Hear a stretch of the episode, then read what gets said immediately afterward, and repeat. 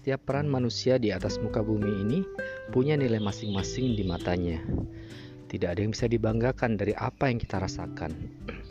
Bayangkan, apa artinya orang kaya tanpa adanya orang miskin? Bayangkan, apa artinya orang pintar tanpa adanya orang yang bodoh? Bayangkan, apalah artinya pemimpin tanpa adanya orang yang mengikuti? Bayangkan, apa artinya pembicara tanpa adanya pendengar?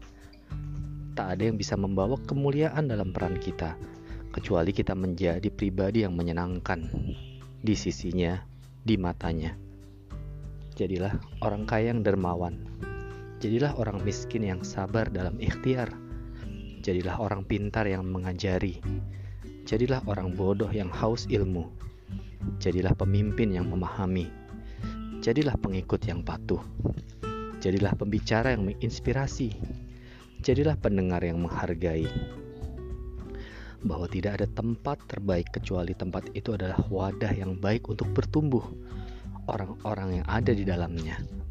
Seperti tanah subur yang membuat tumbuhan dapat berbuah dan memberikan manfaat untuk orang lain. Untuk dapat membuat tanaman bertumbuh apakah gurun itu buruk? Tidak bagi kaktus. Apakah air payo buruk tidak bagi bakau. Apakah pasir pantai buruk? Tidak bagi kelapa. Apakah laut buruk? Tidak bagi rumput laut. Sahabat, mari kenali diri kita. Tumbuhan apakah kita? Peran apa yang ingin kita ambil dalam hidup? Temukan tempat terbaik di mana kita bisa mementaskan peran itu dengan baik, berbuah, dan memberikan manfaat tempat yang baik untuk orang lain belum tentu baik untuk kita. Begitupun sebaliknya.